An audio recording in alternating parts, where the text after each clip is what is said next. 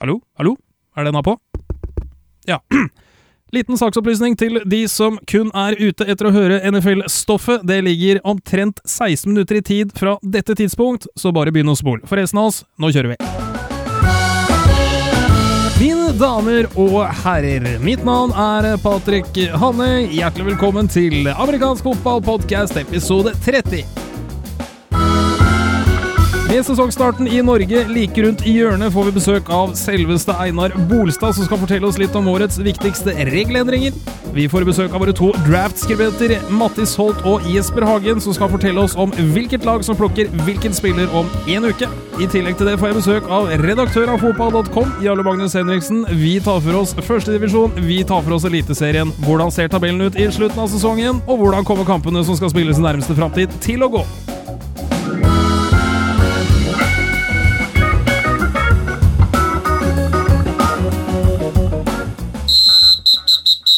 Og velkommen her til eh, amerikansk fotballpodkast. Mitt eh, navn er Patrick Hamnøy. En ny sesong står eh, for dør like rundt hjørnet. Vi gleder oss, og i den forbindelse så har vi fått besøk av Einar Bolstad, leder for fagutvalget i dommer- og regelutvalget, som skal fortelle oss litt om regelendringene for sesongen 2017, og hvordan de eventuelt differensierer seg fra året før. Einar, velkommen! Tusen takk, tusen takk.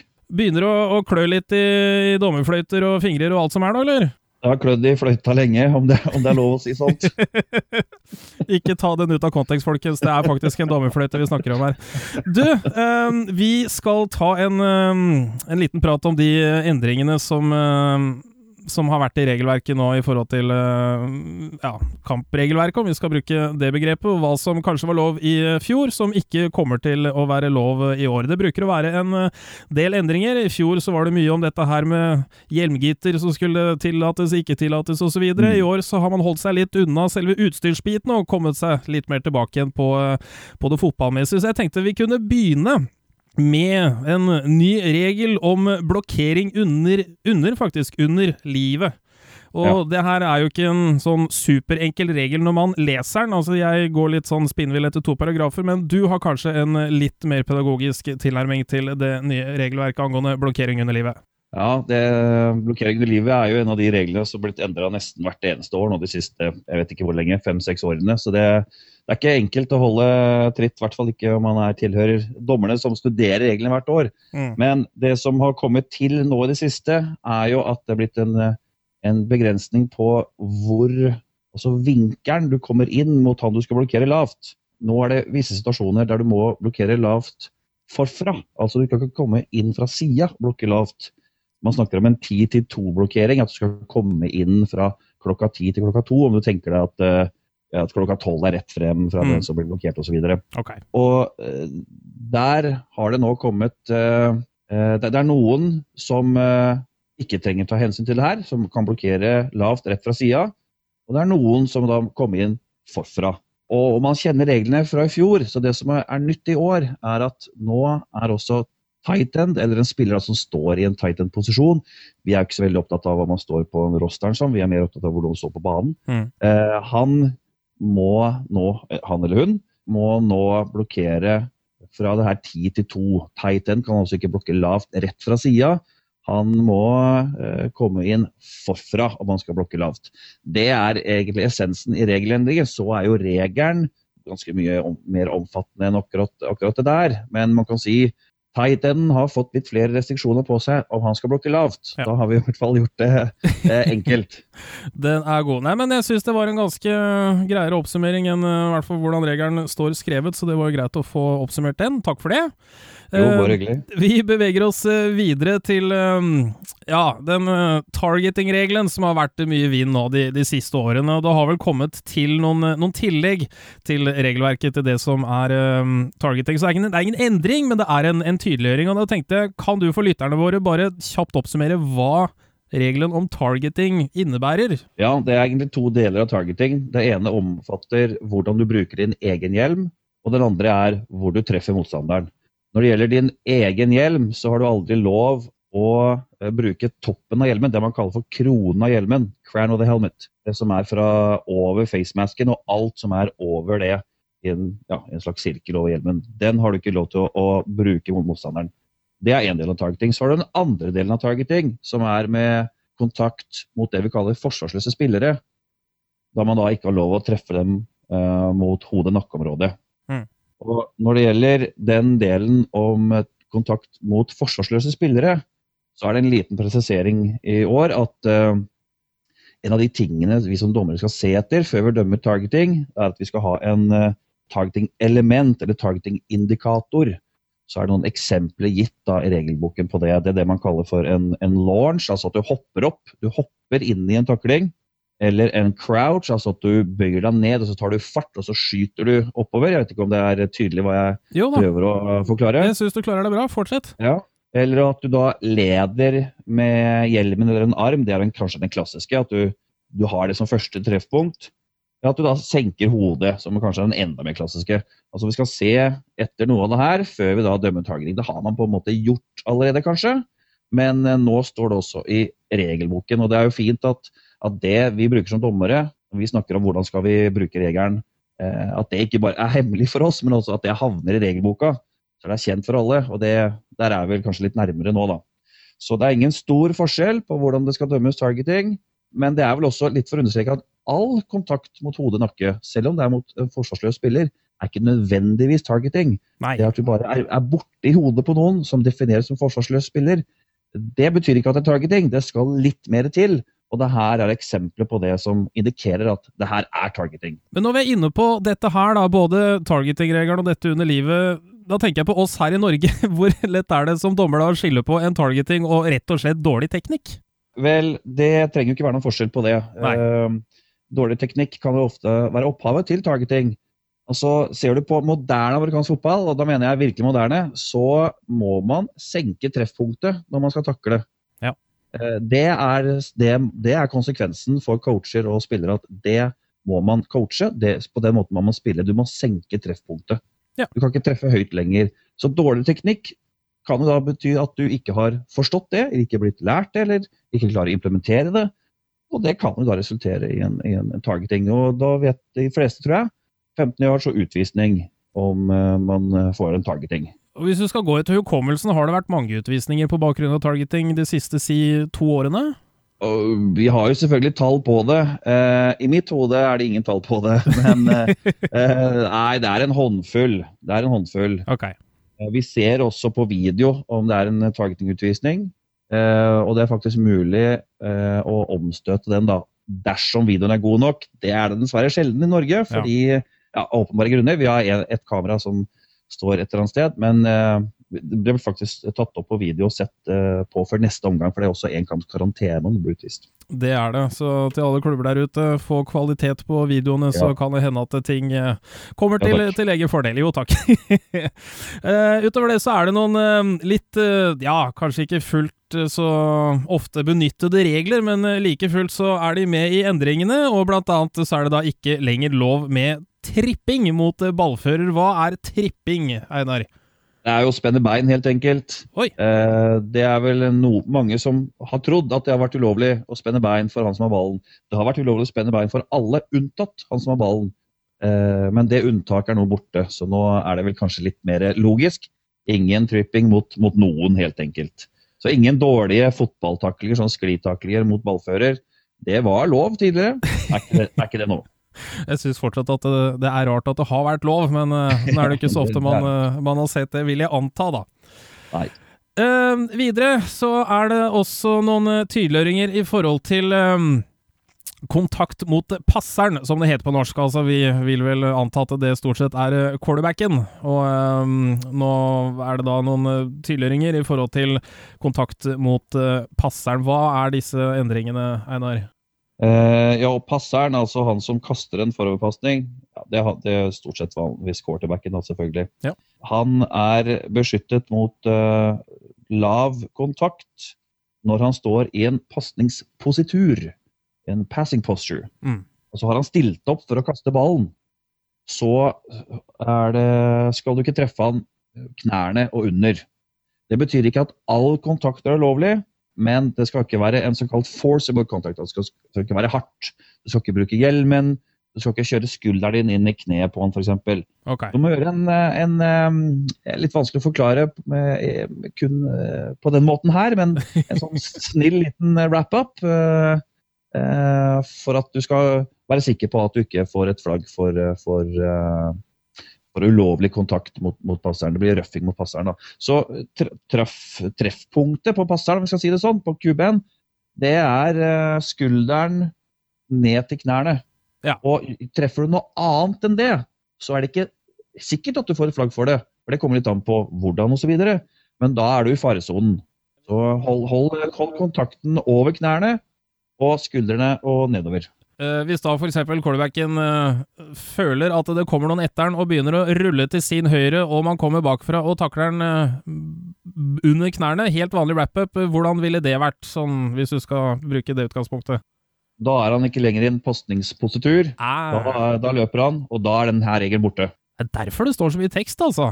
Ja, det skal- betyr noe, alle de orda der. Vi skal ha litt, eh, litt unntak eh, å, å gå på. Nei, men Det var godt. Da har vi fått, eh, fått klargjort i den. Og når vi da er inne på passeren, så kan vi jo ta for oss eh, unntaket da for en såkalt forsettlig bortkasting. Kan du ta den, Einar? Uh, ja, nå er vi jo inne i litt sånn teknik teknikaliteter som uh, du ikke vil se veldig ofte.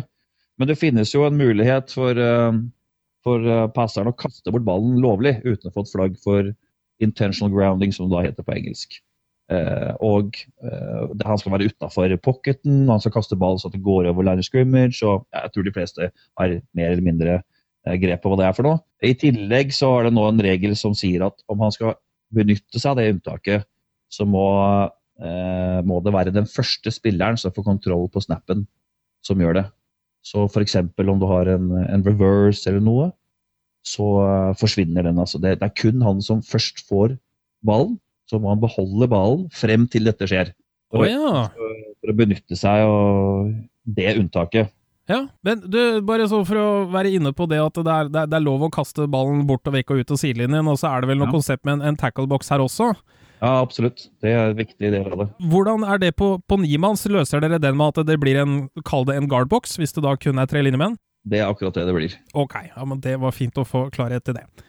Og Hvis vi da holder oss på da det som normalt da kanskje vil være en, en quarterback, men eh, det kan gjelde andre også, det er da en ballfører som slider, er nå definert som forsvarsløs i regelverket nå fra 2017 og framover. Hva innebærer det, Einar? Den regelen innebærer egentlig to ting. At om du har en, en slidende spiller, jeg tror de fleste vet hva vi snakker om da, du kaster deg med beina først og, og sklir, gjerne, gjerne en tenk scramblende quarterback, unngår å bli takla hardt. Ja. Eh, Det er gjerne det vi snakker om. Han, spilleren, når han slider, han defineres som forsvarsløs.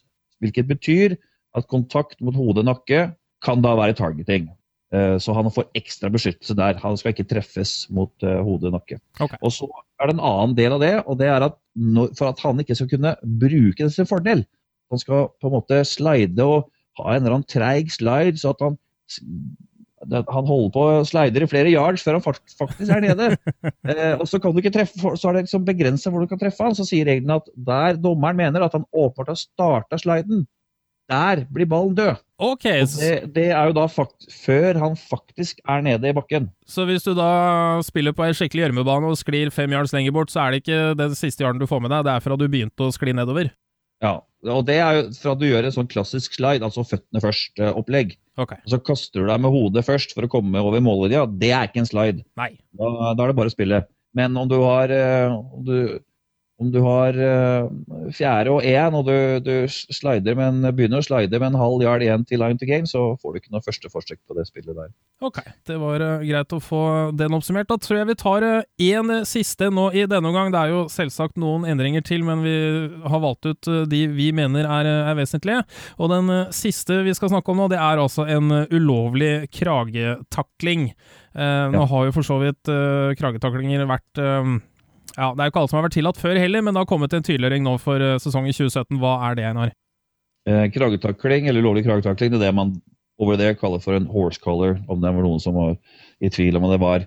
Eh, det som er nytt i år, som er i tillegg til det som allerede var, er at i tillegg til at man ikke kan gripe tak i, i kragen fra bakfra eller sida og trekke nedover på ballfører, så det området man ikke lov til å gripe tak i, det inkluderer nå navneplaten, eller der man, der man da ville ha hatt en navneplate. Og da snakker vi altså om området over talla på baksida av drakta og opp til kragen. Ja. Så griper du tak i det området der og trekker ned, så at du får den her knærne bøyer seg, det er litt sånn dårlig forklaring, Ja. da er det en kragetakling. Og det er ikke nødvendig eh, at du må faktisk trekke av deg til bakken. Det er bare det at du påvirker bevegelsen, på en måte? Ja, Riktig. Okay. Så du trenger faktisk ikke fullføre taklingen for at det skal være en ulovlig kragetakling. Nei, men Det var en, en grei tydeliggjøring, og det syns jeg det var med stort sett alt det andre vi har nevnt eh, her også. Eh, så da vil jeg si tusen takk for at du tok deg tid til å komme hit og forklare oss eh, litt mindre intelligente om hvordan reglene både skal leses og tolkes og, og utføres.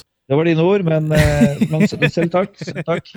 Og så eh, vil jeg da først eh, på vegne av her, oss her i amfotball.com, tusen takk for jobben dere gjør. Eh, dere får, jeg vet ikke om dere får hørt det nok, men da har vi i hvert fall sagt det. Dere er med på å gjøre det mulig for alle oss å drive med den sporten vi elsker, eh, nemlig amerikansk fotball. Så lykke til til deg, lykke til til alle dine meddommere, og så ses vi vel på banen om ikke så altfor lenge. Einar Bolstad, tusen takk.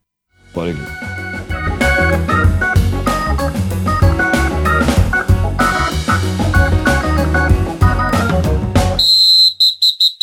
Og velkommen her til eh, amerikansk fotballpodkast. Draften i NFL er eh, ikke lenge til. Idet denne podkasten slippes, så er det nøyaktig én uke. Og vi har eh, i den uken som har gått nå, publisert eh, hele to såkalte mockdrafts hos oss her eh, i, om, eh, hos amfotball.com. Med meg har jeg skribentene som har bidratt med disse mockdraftene. Vi ønsker velkommen til Mattis Holt. Velkommen. Hjertelig takk. Jesper Hagen, velkommen til deg. Tusen takk. Da har jeg satt meg ned med begge disse listene, og det er jo litt betryggende at uh, dere har mange av de Eller ikke mange, skal jeg ikke si, men det er jo noen navn som dukker opp på samme sted på begge lister, og da er det jo en viss konsensus å spore, og, og det er jo alltid, alltid hyggelig. Men hvor, hvor lett er dette her egentlig, Jesper? Jeg syns egentlig ikke det er så lett i det hele tatt. I hvert fall ikke hvis det skal bli bra. Men uh, For du må jo faktisk sette deg litt inn i uh, behov og se litt på spillere. Og, og samtidig prøve å tenke hva som er realistisk, og litt med det som jeg i hvert fall har nevnt i mine mocks, eh, som helt sikkert Mattis også prøver å rette seg etter, da, er jo da det faktum at ting sjelden går slik man tror. Så jeg har i hvert fall prøvd å ta høyde for at noen faller og noen blir overdraftet og ja, i det hele tatt. Eh, Så det er mye å ta hensyn til, da.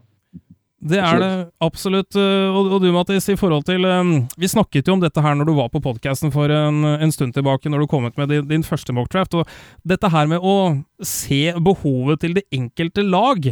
Altså, Du må jo bruke minst like mye tid på det laget som skal drafte en spiller som du har plassert hos det laget. Altså, Hvor, eh, hvor, lett er den prosessen? Nei, absolutt. Det er jo, halve greia er jo å se uh, hvilke spillere som trengs på hvilket lag. Uh, så, men du kan ikke på en måte se deg blind på det heller. For jeg føler at uh, hvis, du, hvis du bare ser deg blind på det de trenger, da, eh, så overser du spillere som åpenbart kommer til å bli drafta høyere enn det du Plutselig så ender en spiller liksom langt ned på 20-tallet, og han var egentlig topp ti. ikke sant? Mm. Så, så du må ta begge ting eh, i beregninga, og så prøve å gjøre det beste ut av det. Men eh, hvis vi tar for oss de, de piksa Jeg har fortsatt ikke noe godt norsk ord for det, altså. Har du noe, Mattis? Eh, draftvalg. Draftvalg, takk. Eh, det, det, det høres så mye bedre ut enn eh, det forrige jeg brukte. Men hvis vi da skal ta for oss de mer konsensuspregede draftvalgene som da både du, Mattis, og du, Jesper, har. Altså, første er jo ganske gitt. Det er defensive end Miles Garrett fra Texas A&M til Cleveland Browns. Den er vel rimelig åpenbar, Jesper? Den er rimelig åpenbar, men øhm, siden det jo nå en gang er Browns, da, så har det jo vært um, Vet ikke om man skal kalle det rykter, men jeg tror det vel det var Rappaport som eh, sa at de vurderer å ta en eh, QB der, mens Hugh Jackson, altså treneren, vil ha Garrett. Eh, Men nei, det bør jo ikke være noe tvil der. Han er jo et såkalt uh, generasjonstalent som man må velge. Uh, Og da vi får nesten håp og tro at de faktisk velger, velger han denne gangen. da. Jeg velger å tro at de ryktene er bullshit, altså. Ja, men det var det jeg skulle Ja, spørre deg om. Mattis. Det er vel, det er vel strengt talt bare litt eh, smoke and mirrors, dette her. Det fins vel ikke en sjanse i havet om at de plukker noen andre enn eh, Miles Garrett på første?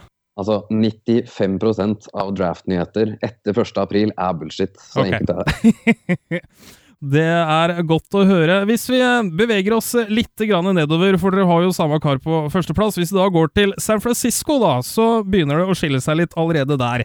Uh, Mattis, du har Mitch Trubisky fra North Carolina som går til eh, San Francisco. Uh, andre draftvalget, mens du, Jesper, har Solomon Thomas, defensive end fra Stanford. Har vel ikke 49ers drafta nok defensive linjespillere det siste året, Jesper? Jo, det har de absolutt. Og selvfølgelig, jeg har jo vært inne på um, QB her, jeg òg. Men um, jeg tror Og det blir jo bare én gjetting, men jeg tror uh, i og med at uh, Karl Shanahan er helt ny der som trener, så har ikke han like press på seg på å vinne nå. Da tror jeg han har muligheten til å faktisk ta de som blir vurdert, eller han som blir vurdert som den aller beste spilleren, da, uh, og ikke må anførselstegn reache for en QB fordi han er under press på å vinne. Eh, Så da, Det er derfor jeg har endt opp med en Thomas. da, Og litt fordi de Jeg vet ikke helt hva de tror om uh, Eric Armstead, egentlig, som de tok for to år siden. Uh, Mens Buckner, som de tok i fjor, um, har vært bra, da. Um, Og så har det jo litt med at de skal bytte um, fra 3-4 til 4-3. Eh, Så det og du kan jo faktisk um, sånn, Apropos det du sa, du kan jo egentlig aldri ha nok gode linjespillere heller. Så det var egentlig det. Hva mener du, Mattis? Er det å reache og hente inn eh, Trubisky, eh, quarterbacken til North Carolina, på andreplass allerede? Vet du, Det mener jeg faktisk er ja, men eh, jeg har likevel putta den dit. Eh, for jeg jeg syns at eh, det valget her det er, det er så dritvanskelig, fordi uh, 49ers trenger hjelp på så mange forskjellige steder at Mm. Det, er, nesten umulig å spå hva de gjør. Um, Solomon Thomas, jeg ser ikke helt hypen for han. Jeg hadde heller sett uh, en spiller som Jonathan Allen, uh, og de er jo virkelig dekka på defensive tackle, egentlig, så uh, det, kanskje ikke det heller. Da landa jeg på, på Mitch Trubisky, som er en Eh, helt ålreit quarterback. Han ser veldig bra ut til tider, og så ser han håpløs ut andre ganger. Og eh, du, argumenterte for at eh, ny trener betyr at han ikke vil ha ny quarterback. Jeg ser ikke den, altså. For det, det, altså, de har ny trener og eh, ny general manager. Eh, de er nødt til å på en måte ville ha noe nytt, noe å bygge på. En byggestein, og det er absolutt det Mitch Trubisky er. Vil du mene Mitch Trubisky er den beste quarterbacken i draft, Mattis? Det mener jeg ikke, men uh, så man bruker litt fornuft når man driver med mockdrives også. Jeg, jeg er superfan av Patrick Mahomes. Uh, no shit. jeg jeg syns han er så bra, altså. Vi kommer tilbake til han litt seinere. Uh, vi kan hoppe over Chicago, for det er bare sånne kjedelige defensive spillere som ingen bryr seg om. Og så på fjerdeplass så har dere da begge to plukket Leonard Fournette til Jacksonville Jaguars. Jesper, kan ikke du begrunne det valget? Eh, jo, det kan jeg. Um, det er vel egentlig um, Det er vel litt forutsatt at de um, ikke vurderer QB her, da. At de ikke har gitt opp uh, Blake Bortles ennå. Men uh, annet enn det, hvis um, Selvfølgelig, de kunne jo tatt en defensiv spiller, men de har jo på papiret Nå har vi sagt dette i tre år nå, da, men Ja, på papiret så har de jo et bra forsvar. Og da, og, men de har ikke um, noe sånn all verdens til running back, med mindre TJ Elden plutselig skulle finne på å bli utrolig god. da. Så da er det Det har jo vist seg nå, um, særlig etter at um, Cowboys tok eh, Elliot i fjor, da, så har det, har det snudd litt akkurat dette med at du ikke tar eh, running backs i første runde, føler jeg. da. Og um, det er jo veldig mange som har han der oppe også. Uh, så tror jeg med Tom Coughlin der, da, så skal de gjøre det litt old school og gå til et power run game og i det hele tatt. Eh, Og receiver har de jo, så da, da var det egentlig eh, Ornett som var passet både behov og da Han er selvfølgelig sannsynligvis ikke den fjerde beste spilleren i draften, men eh, eh, jeg, jeg mener det egentlig passer, da. Uh, Mattis, hvis vi skal ta for oss Leonard Fournette videre, da. Han er jo Um, etter mitt syn en litt sånn throwback-type type runner. Og så tenker jeg litt på Eddie George tilbake på 90-tallet. Uh, det, det, er liksom det første som, som, slår meg. Er det plass til den type spiller i uh, dagens NFL? Det er jo bare å se på Derrick Henry, hvordan han gjorde det i rookiesesongen hans. Litt samme type spiller. Og han var jo, selv om han var backup for DeMarco Murray, så hadde jo han en knallsesong som rookie. Så Eh, svaret på det er soleklart ja, etter min mening. Og Det var eh, for øvrig et uh, veldig godt poeng du kom med der, Derrick Henry. Vi hopper litt videre. Vi skal ikke ta for oss alle 32 rundene, men hvis vi da går igjen da, til disse beryktede Cleveland Browns, som har fått draftvalg nummer 12 fra Jesper sine elskede Eagles. Uh, vi kan begynne med deg, da, Jesper. Du har Eller begge har jo en quarterback til Browns, men du, Jesper, du har DeShaun Watson. Hvorfor har du valgt nettopp DeShaun Watson til Cleveland Browns på tolvte? Egentlig mest fordi tror um, Jeg syns jo også Mahomes har uh, veldig mye bra, men jeg tror um, Watson er jo litt mindre flashy, men uh, han har mer av de små eh, tingene for å kunne klare posisjonen. Da. Og, og viktigst av alt er vel den vinnermentaliteten han har vist eh, de to siste årene i Clemson. Med å komme tilbake helt i siste sekund mot Alabama i national title game osv. Mm. Eh, mener han har vist eh, at han er det de i USA kaller clutch. Grusomt uttrykk, for øvrig. Uh, men uh, ja, det er, det er, egentlig det, da. Uh, men så, så, min, så, mener jeg det er mindre arbeid med mekanikken der enn hos Mahomes. Da. Men, men, jeg kan på en måte jeg, jeg skjønner absolutt hvorfor Mahomes blir vurdert der oppe også. Det gjør jeg. Men nettopp mekanikken er jo litt av kritikken mot Mahomes, da, som du, Mattis, har gående til Cleveland Browns eh, på, i, med tolvte valget. Eh, hvorfor Mahomes over DeShaun Watson, som du har vesentlig lenger ned på lista di? Ja, Watson er jo egentlig heldig som jeg har med i første runde, for å være ærlig. han er clutch, han er, han, er, han er, en vinner, men du har, du har mange college-vinnere som ikke helt gjorde seg bra i NFL. Jeg kan nevne Team Tebow og Johnny Mansell, ganske enkelt. Godt poeng. Men uh, Patrick Mahomes, jo, uh, altså armen hans er jo kanskje det beste vi har sett uh, fra college. jeg skal ikke si noensinne, men på veldig, veldig lenge. Han kaster sykt hardt og sykt langt. Han, han, var på NFL Network nå på tirsdag, og da uh, kasta han 62 miles per hour i en mm. sånn kastekonkurranse med David Carr. Og det er jo bare tullete. Det er sånn Brett Farve-aktig styrke. Eh, og når du ser på han spiller i college også, så får du sånn derre du, du, ser litt Brett Favre. Du ser den derre lekende quarterbacken som har bare lyst til å kaste den ballen overalt på banen. Og jeg, jeg er solgt med en gang. Altså. Du tenker litt mer gunslinger-typen, da? Absolutt. Men når vi først er inne på, på quarterbacks, eh, hva, hva, er du mente at DeShaun Watson egentlig var heldig som uh, At du tok med han i, i første runde overhodet. Hva, hva er det du ser negativt med quarterback DeShaun Watson fra Clemson? Først og fremst så er han ikke nøyaktig nok uh, altså, det, det, er litt merkelig, for han er en spiller som på en måte blir bedre og bedre utover i kampen. Men, men han er, eh, når, i hvert fall i starten av kampene, altså er han ikke nøyaktig nok. Det virker, virker, ikke som han er påskrudd.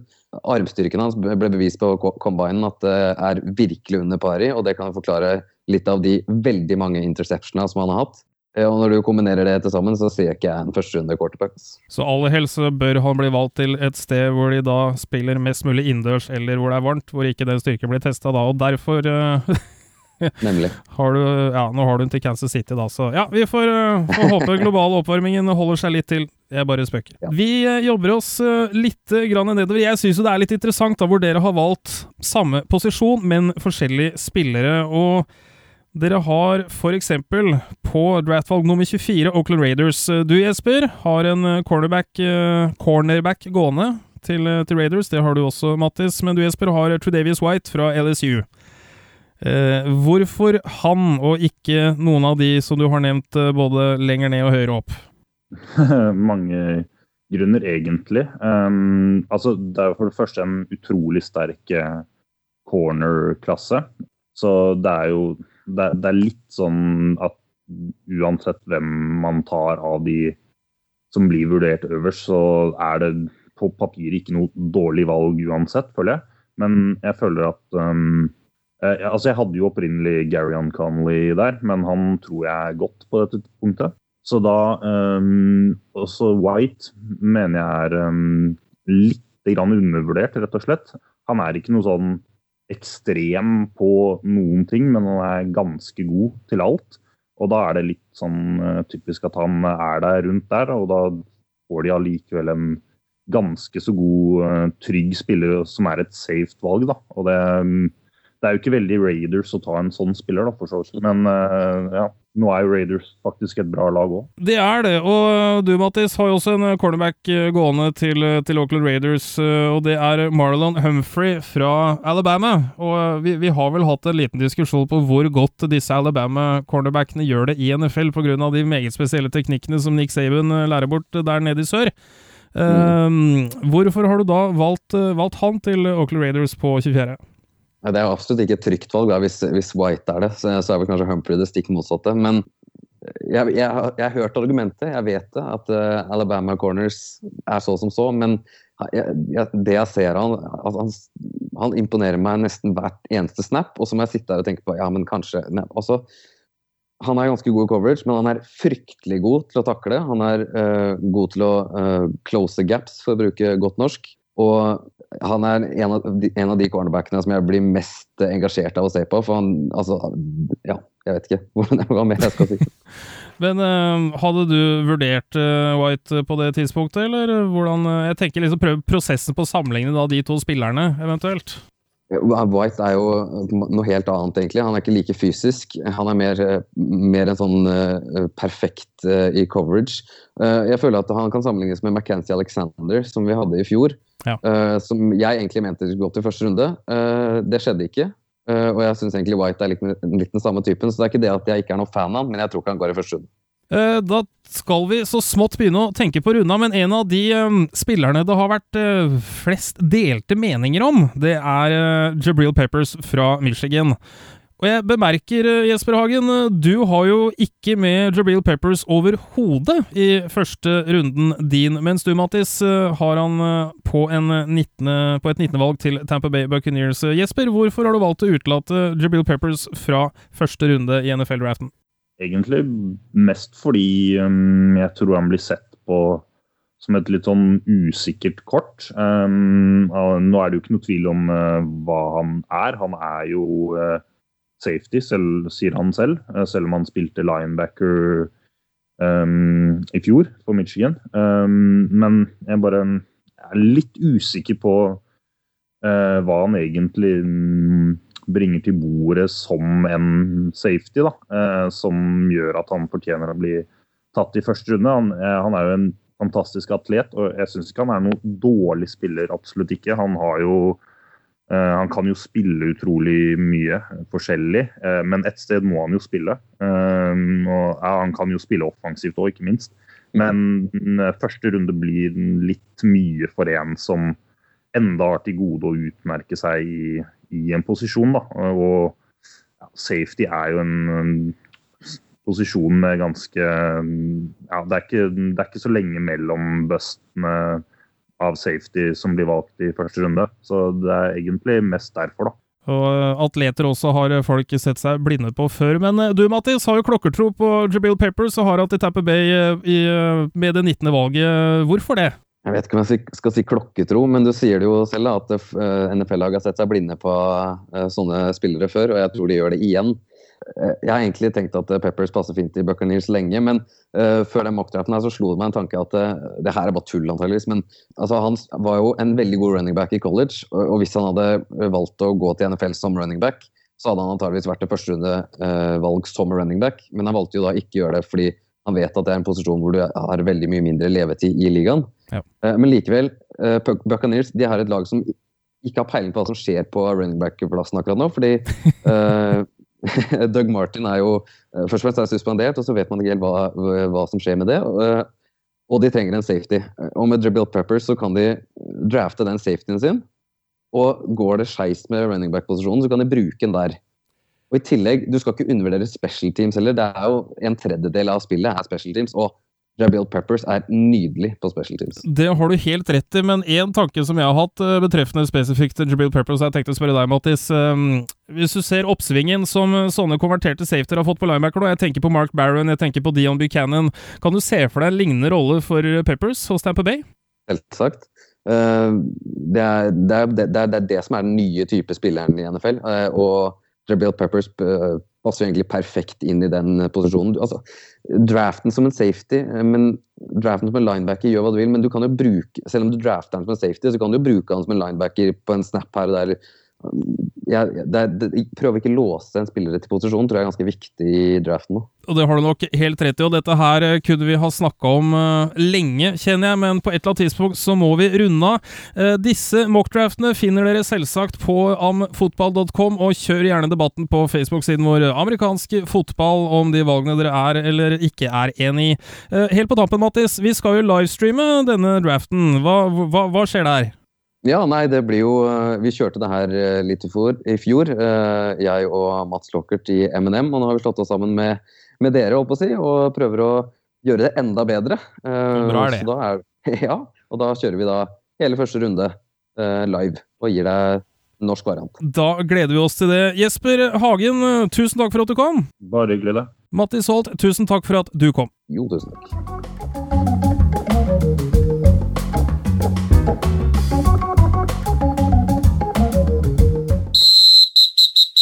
Og velkommen her til amerikansk fotballpodkast.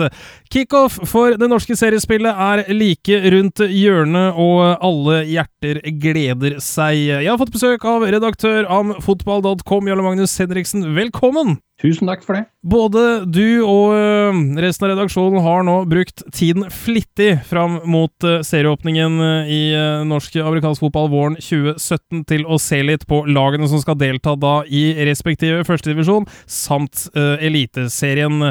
Hva har dere skrevet om, og hva har dere kommet frem til? Vi har skrevet vanvittig mye om både førstedivisjon og Eliteserien. Det finnes forhåndsartikler om hvert enkelt av lagene, som er ja, I førstedivisjon er det vel på rundt 1500-1800 ord, tenker jeg. På, og i Eliteserien så er det fra 1900 opp til 2500 ord eller noe sånt. Så det er jo sånn, til sammen så er det en liten novelle eller to. Uh, og så har vi også gitt spådommen over for hvordan vi tror det kommer til å gå. Så når denne podkasten går på lufta, så er alt det publisert. Det er det ikke ennå når vi tar opp, det er noen dager til, eh, til det skjer.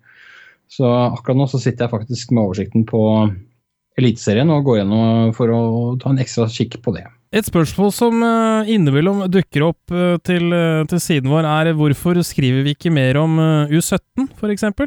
Ja, hvis jeg hadde hatt flere skribenter som hadde tid og anledning til å bruke på det, og ikke minst dette med å se kampfilmer og, og få oversikten på hva som foregår der, så er det fullt mulig. Men vi må begrense oss på et eller annet nivå, vi som, vi som er de få som egentlig bruker mest tid på dette her. Uh, og da velger vi litt ut fra interesse og sånne ting. Og så er det også, eh, akkurat U17 er det litt sånn ja, Det er ikke mange spillere som er der mange år på rad.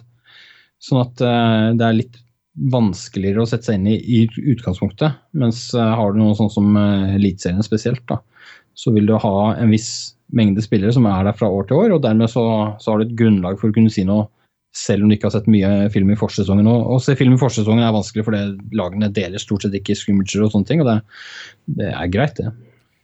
Men hvis vi da skal begynne nå, uh, denne sekvensen, med førstedivisjon Det er altså fire lag som deltar i årets førstedivisjon. Og vi mm. har nå sett på lagenes mulighet eh, til å nå nøyaktig hvor langt i seriespillet, men den fasiten sitter jo du på. Hvordan, hvordan ser det ut på førstedivisjon, eller Magnus? Nei, Vi har i hvert fall tippet da at uh, nykommerne fra andredivisjon, uh, de som vant alle kampene der, Kristiansand Gladiators, som uh, mange også husker fra NM-gullet i 2014, vi tror at de vinner seriespillet i førstedivisjon. Og så tror vi at Haugesund Hurricanes ender som nummer to. Det trodde vi ikke for noen uker siden. Der har det skjedd mye den siste tiden. Eh, også på tredjeplass har vi satt opp eh, Olavs menn, som eh, mange nok fort vil tro at kanskje er undervurdert. I hvert fall hvis man sitter i Østfold-området. også på fjerdeplass har vi Kolbotn Hunter, som, som per definisjon alltid er undervurdert. Så det blir spennende å se, da. Absolutt. Hvis vi da tar for oss den første serierunden som skal spilles nå til helgen, og den første kampen som skal spilles 23. april klokka 14 på Karus, nemlig Haugesund Hurricanes som kom på besøk hos Kristiansand Gladiators. Eh, Hva tror vi om den kampen, Jarle Magnus? Ja, det kan vi jo begynne med å si at det er andre i redaksjonen som har skrevet eh, forhåndsartikkelen eller previewen på den. Vi, vi publiserte jo da før runden, som er sånn fast spalte vi har hver torsdag kveld. Den publiserte vi da i går, eh, og der har eh, vår skribent Thomas Olsen tippet at Kristiansand Gladiators eh, vinner. Det tippet vi for så vidt også før sesongen, men han har da tippet resultatet i tillegg. Og at det blir 35-7 til Kristiansand over Haugesund. 35-7 er jo da en ganske markant seier for Kristiansand sin del, og dette er jo da lagene som er tippet nummer én og to um, i uh, førstedivisjon i 2017. Hvorfor, hvor, hvordan har vi kommet fram til det forventede resultatet? Ja, det går nok bl.a. på at uh, Gladiators er sannsynligvis mer samkjørte. Det er færre endringer der fra i fjor. Det er samme kjernen med Levan og Lasse på, på backs. Det er en trener som kjenner laget fryktelig godt. Det er forsøkt hos Haugesund Hurricanes òg, men ikke som trener, men som, som spiller. Andreas Hustoft. De har nok litt flere endringer. De har en ny quarterback, altså nå snakker vi med Haugesund. Og det er flere der som må samspilles i større grad, tror vi, enn det er hos Kristiansand Gladiator. Så det er nok årsaken til Thomas sitt forhåndstips. Og så er det sånn at han har nok ikke fullt like mye tro på Haugesund som det, det jeg ga inntrykk for i den, de spådommene for sesongen. Da. da gleder vi oss til å både se kampen og få resultatet i, i, ettertid. Det var da første kampen som skal spilles nå til helgen i første divisjon. Den andre kampen det er da Sarpsborg Olavs menn, som tar imot Kolbotn Hunters på hjemmebanen i Skjeberg 23.4 klokka 14.00. Hva har vi tippet i kampen mellom Sarpsborg og Kolbotn? Nei, Der har vi tippet at Olavs menn vinner over Kolbotn Hunters. Resultatet har ikke jeg tippet på det tidspunktet hvor vi tar opp opptaket.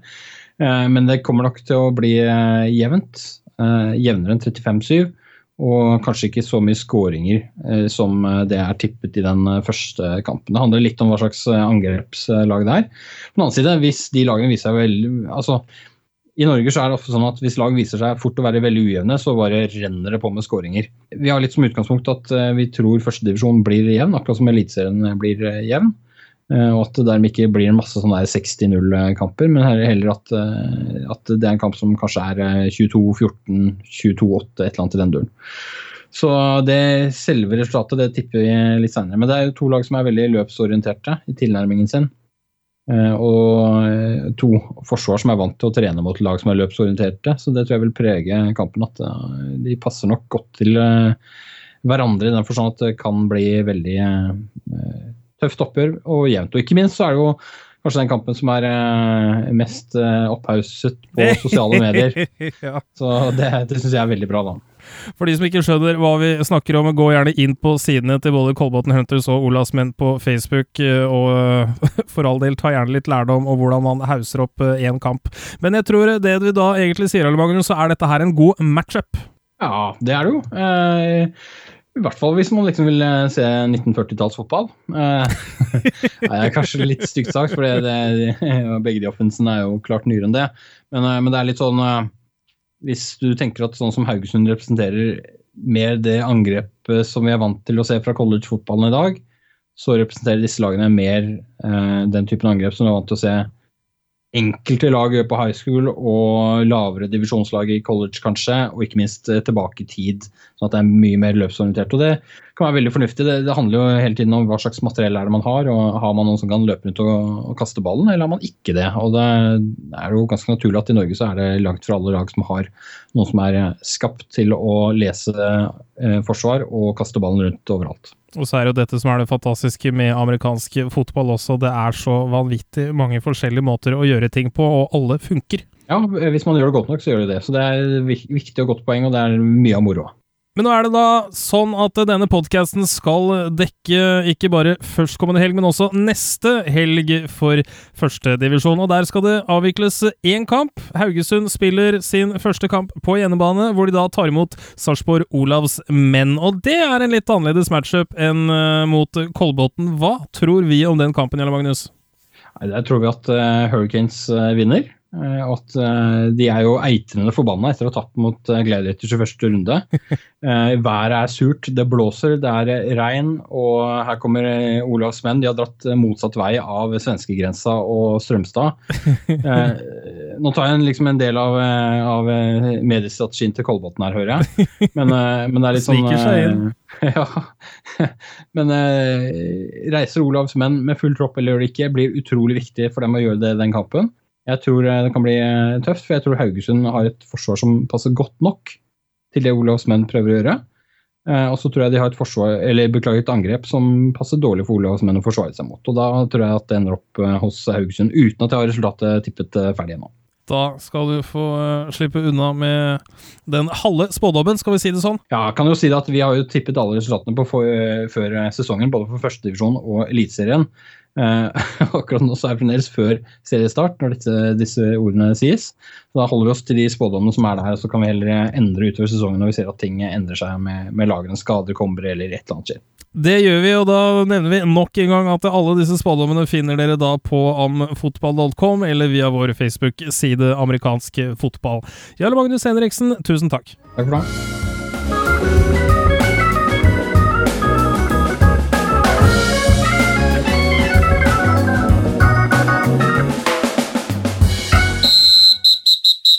Og vi fortsetter her i amerikansk fotballpodkast. Vi skal nå ta for oss Eliteserien og de aller, aller første kampene som straks skal avvikles eh, for sesongen 2017. Med meg fremdeles redaktør av fotball.com, Jarle Magnus Henriksen. Velkommen! Takk for det.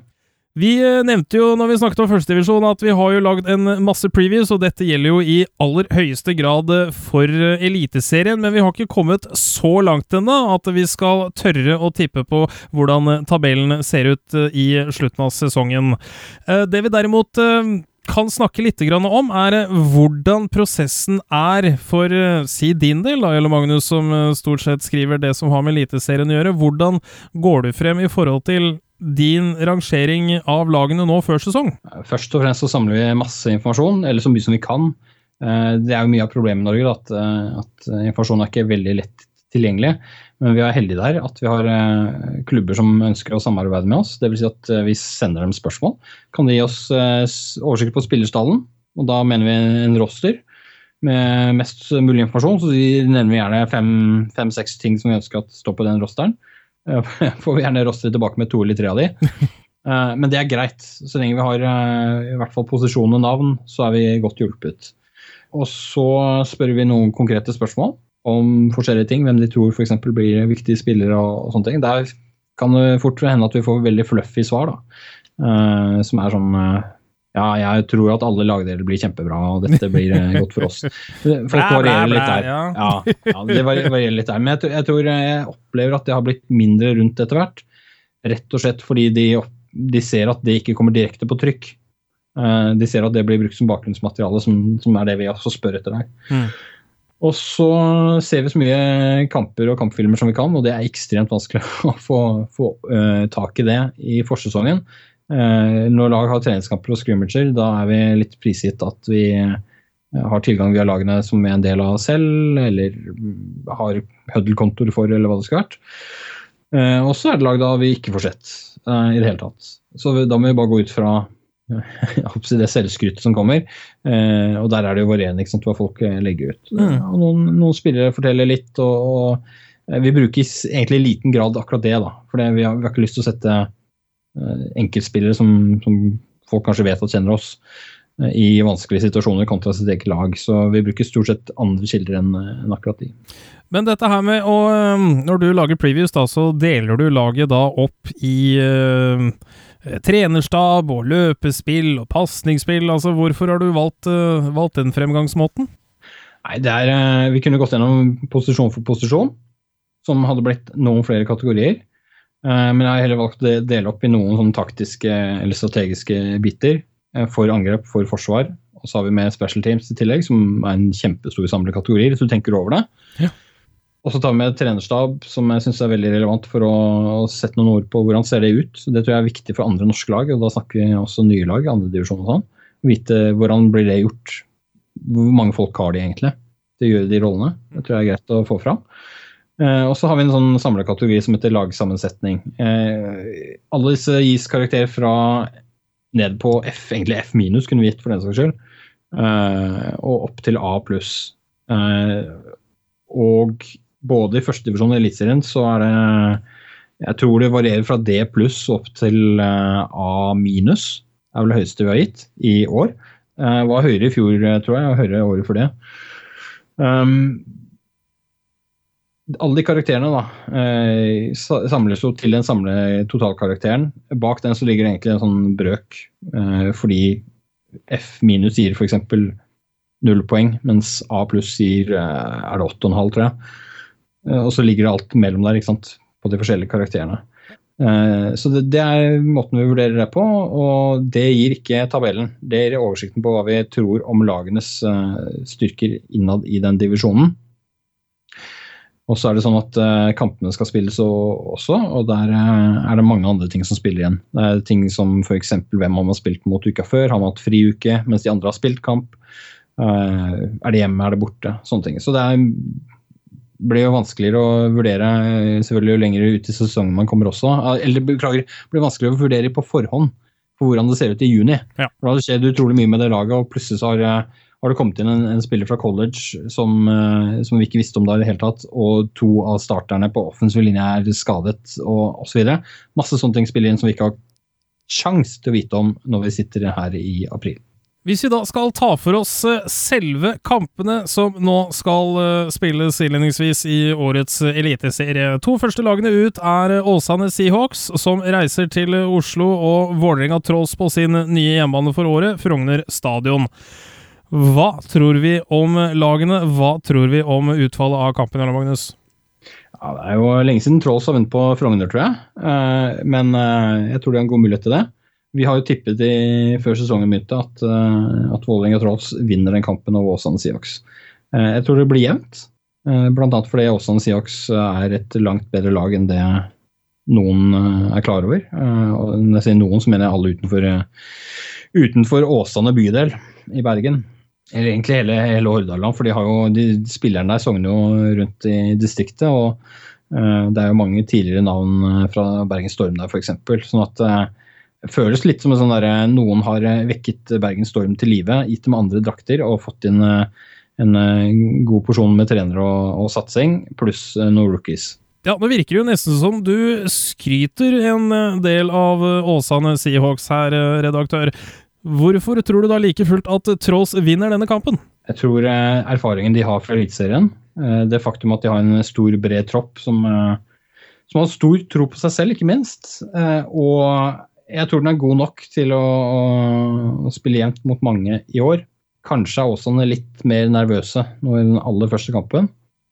Sånn at derfor så holder jeg en liten knapp på Vålerenga Trolls i den kampen. Den er god. Det er da den første kampen ut i årets eliteserie. Neste kamp blir da den 30. april i Stavanger Lura stadion. Da tar Lura Bulls imot eh, Oslo Vikings.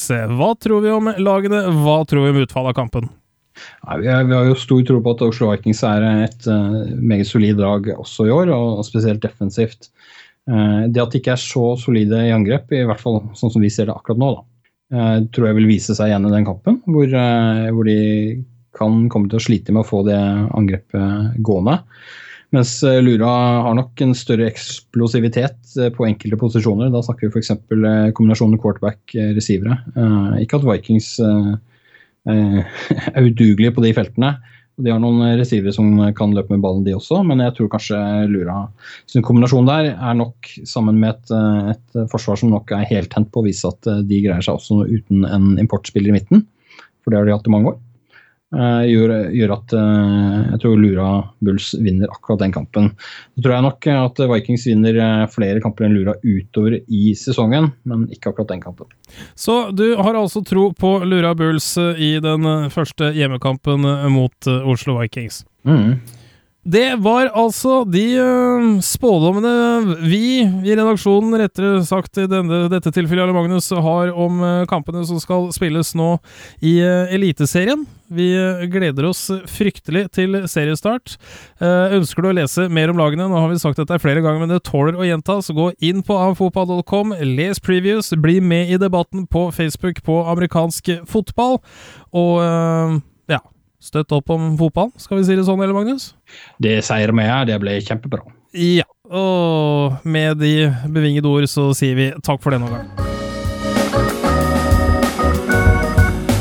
Det var alt vi hadde for denne episoden av Amerikansk fotballpodkast. Vi håper dere har hatt en hyggelig time her sammen med oss, og vi tar gjerne imot tilbakemeldinger enten på vår hjemmeside amfotball.com, Facebook-siden Amerikansk fotball, eller direkte på iTunes eller SoundCloud. Til neste gang, på gjenhør.